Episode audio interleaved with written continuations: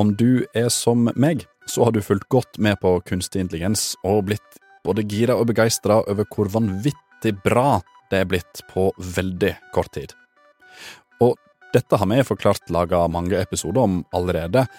Gjennombruddet kom i en periode nesten daglig. Det virka altså ustoppelig. Det har vært både spennende og litt urovekkende. Men nå har et nytt spørsmål dukka opp. Er kunstig intelligens rett og slett på vei til å bli litt dummere? Ja, altså, flere har begynt å lure på det.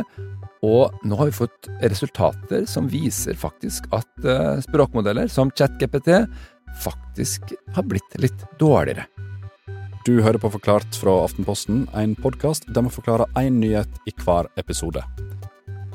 I dag har kunstig intelligens allerede nådd toppen. Det er mandag 7. august, og jeg heter Anders Weber.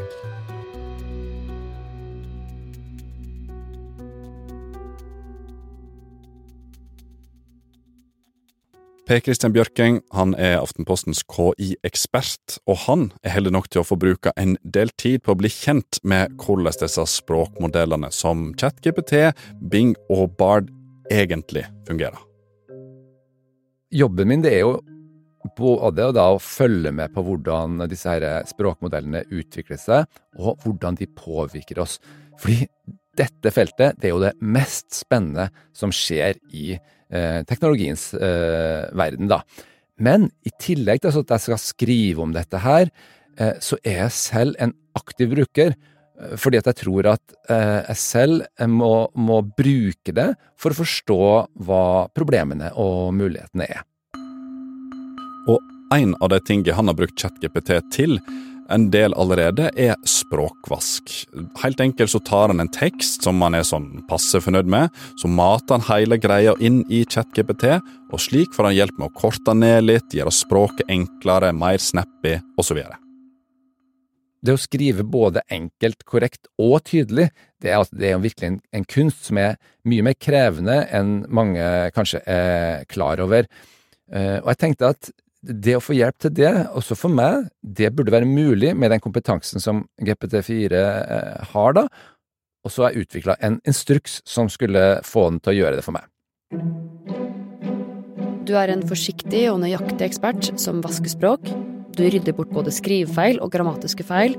Når ord og setninger opplagt er overflødige, skjærer du dem vekk. Men ellers er du veldig forsiktig.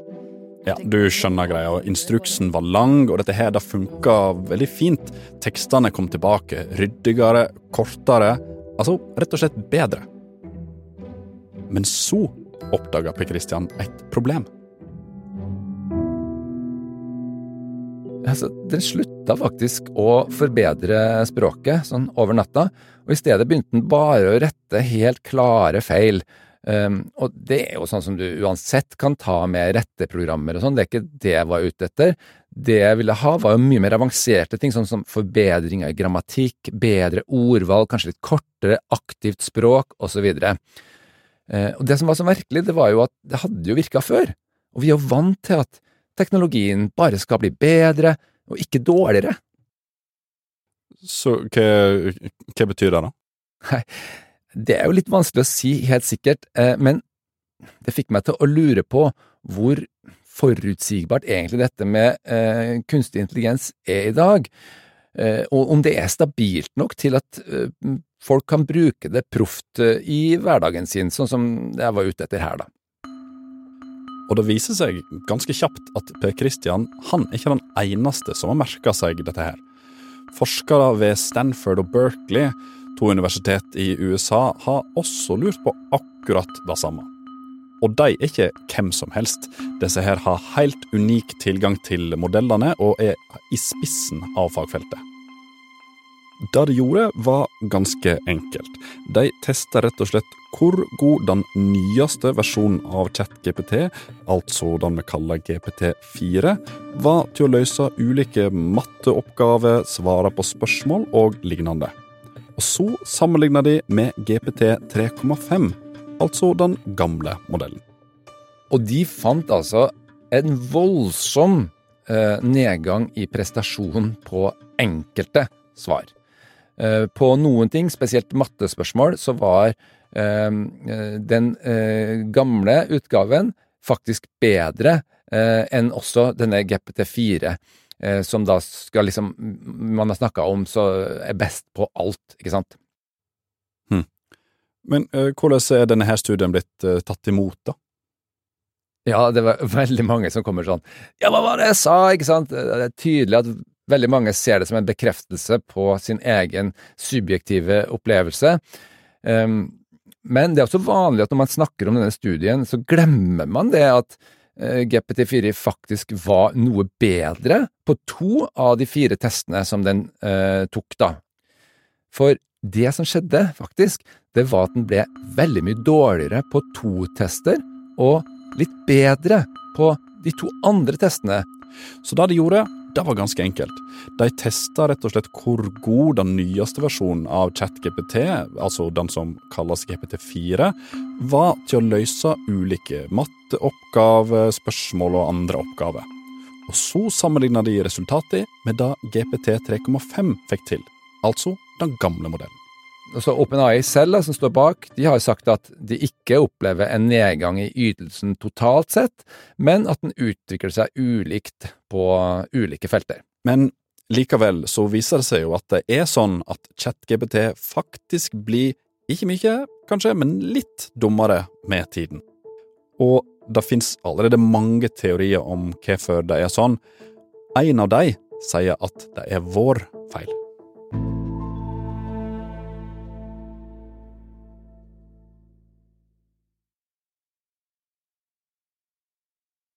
Dette spørsmålet, altså blir ChatGPT dummere, ligger fortsatt her og dirrer.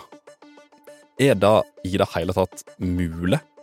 Altså, når hele poenget er at maskinen trener seg på masse, masse data, og slik sett bare blir bedre og bedre, og når så mange mennesker også er innom og trener modellene enda mer, hvordan kan det i det hele tatt gå baklengs da? Faktisk så er det en del teorier om hvorfor utviklingen av slike språkmodeller kan gå litt baklengs. En av de handler om kravet om at det skal bli raskere og billigere for å nå ut til flere. Men da kan en miste litt av tankekraften på veien. Og en annen teori er at det er vår feil. Ja, altså Faktisk kan det være vår feil. Eh, du kan sammenligne GPT da med en ufattelig kunnskapsrik kokk. Um, I starten så må kokken utdannes, um, og uh, i denne utdanningsfasen, da, når den trener på all verdens tekster, ikke sant, da trener kokken seg opp til å gjenkjenne uh, alle smaker og nyanser i hvordan de forskjellige ingrediensene spiller sammen i kunnskapen vår, da, ikke sant. Da når den treninga er ferdig, har du en såkalt eh, basismodell. Og etter denne basistreninga, da kan du få eh, GPT til å lage helt fantastiske og eh, kreative eh, retter. Problemet er at denne kokken, den har ikke skjønt at eh, hen, for å si det, faktisk skal drive restaurant. Ikke sant? Hen skal gjøre brukerne fornøyd, og ikke forgifte maten eller lage vonde ting bare for moro skyld. Eh, og det er egentlig dette som har skjedd da når pratebotten har blitt sånn giftig og produserer skadelig innhold. Den klarer ikke å skille ut at den er jo trent på en masse eh, dritt fra internett, for å si det sånn, og produserer også det i svarene sine. Ikke sant? Eh, og det må unngås. Så når vi da trener opp eh, ChatGPT på å drive restaurant, for å si det sånn, lage et produkt, da er vi gjestene i restauranten. Og det vi gjør da, vi gir egentlig bare tommel opp og tommel ned, egentlig bare ved å, om vi kommer tilbake eller ikke, ikke sant? På den måten da skal vi si fra sånn at vi ikke blir forgifta, men dette er det veldig vanskelig for kokken å lære så mye av. Mye vanskeligere enn å drive og, eh, lære seg alle nyansene mellom um, ingredienser i mat. Så med andre ord, en uh, nyutdanna GPT er en uh, kreativ kokk som uh, veit hvordan alt henger sammen, men over tid så blir de mer opptatt av å unngå uh, å forgifte noen, altså unngå en sånn tommel ned, og sånn sett kan ende opp med et ofte er det helt greit resultat? Ja, det, det, er rett og slett vanskelig for den å fange opp nyansene.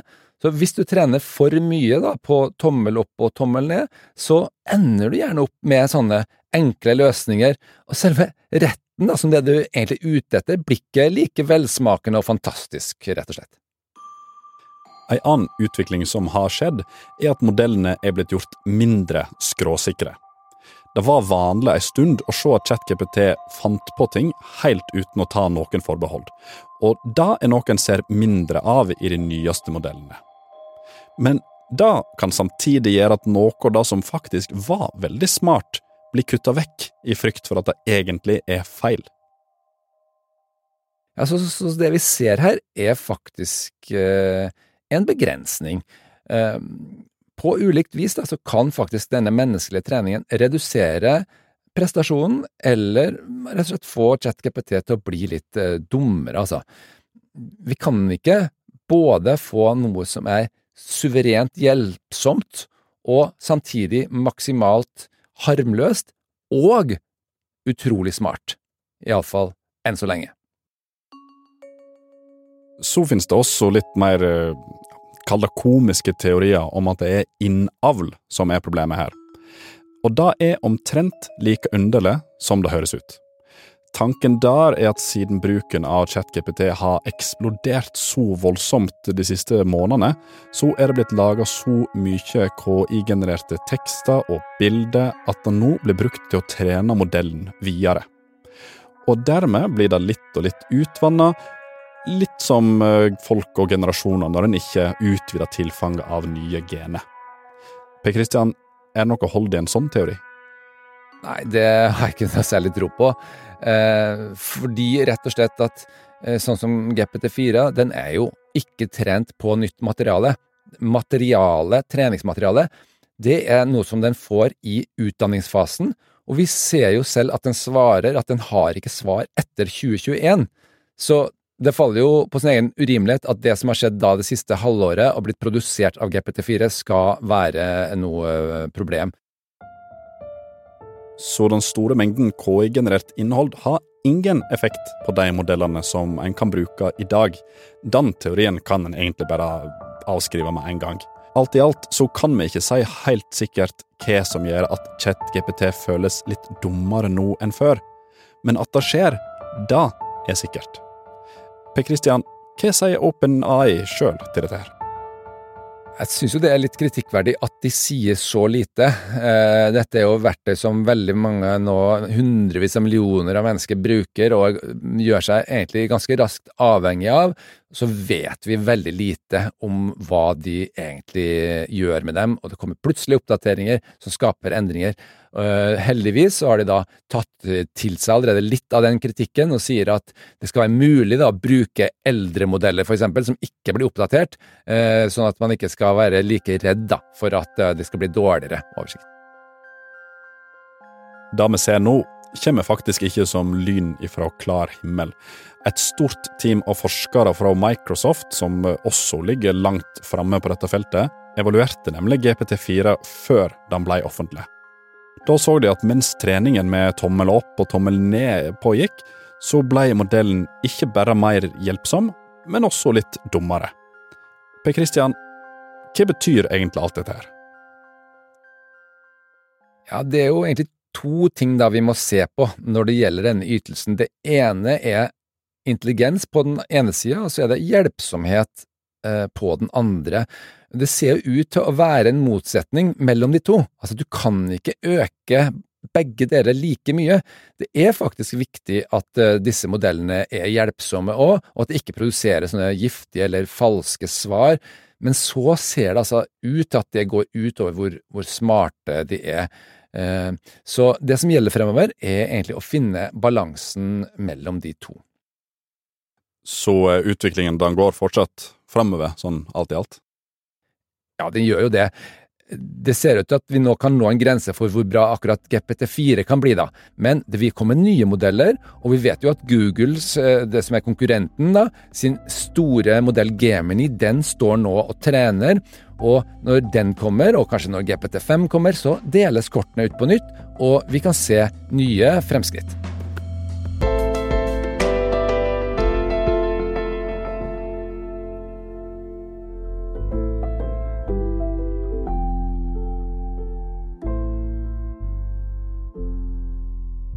Du har hørt en podkast fra Aftenposten, og det var Per Christian Bjørkeng som forklarte deg hvorfor ChatGPT føles litt dummere nå enn før. Denne episoden er laga av Jenny Føland og meg, Anders Weberg. Og resten av Forklart er Synne Søhol, Olav Eggesvik og Fride Næss Nonstad. I denne episoden så har du hørt litt lyd fra BBC, CNN og Fox News.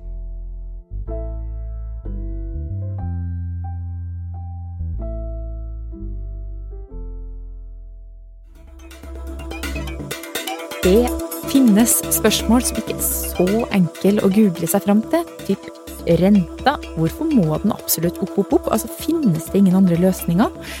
Og hva skjer med oss og samfunnet når vi vurderer å rate hverandre hele tida?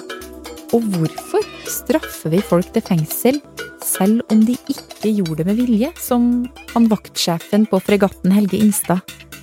Hva er poenget? Jeg heter Marit Eriksdatter Gjelland, og i podkasten Dypdykk nerder jeg kollegaene mine på tema som former tida vi lever i. Mest fordi vi er genuint nysgjerrig og fant ingen gode svar da vi googla, men også for å gi deg en helt ny innsikt og ta med til bordet neste vennepils. Sjekk ut Dypdykk i Aftenposten-appen eller hos Podmy. Ny sesong kommer onsdag 23. august.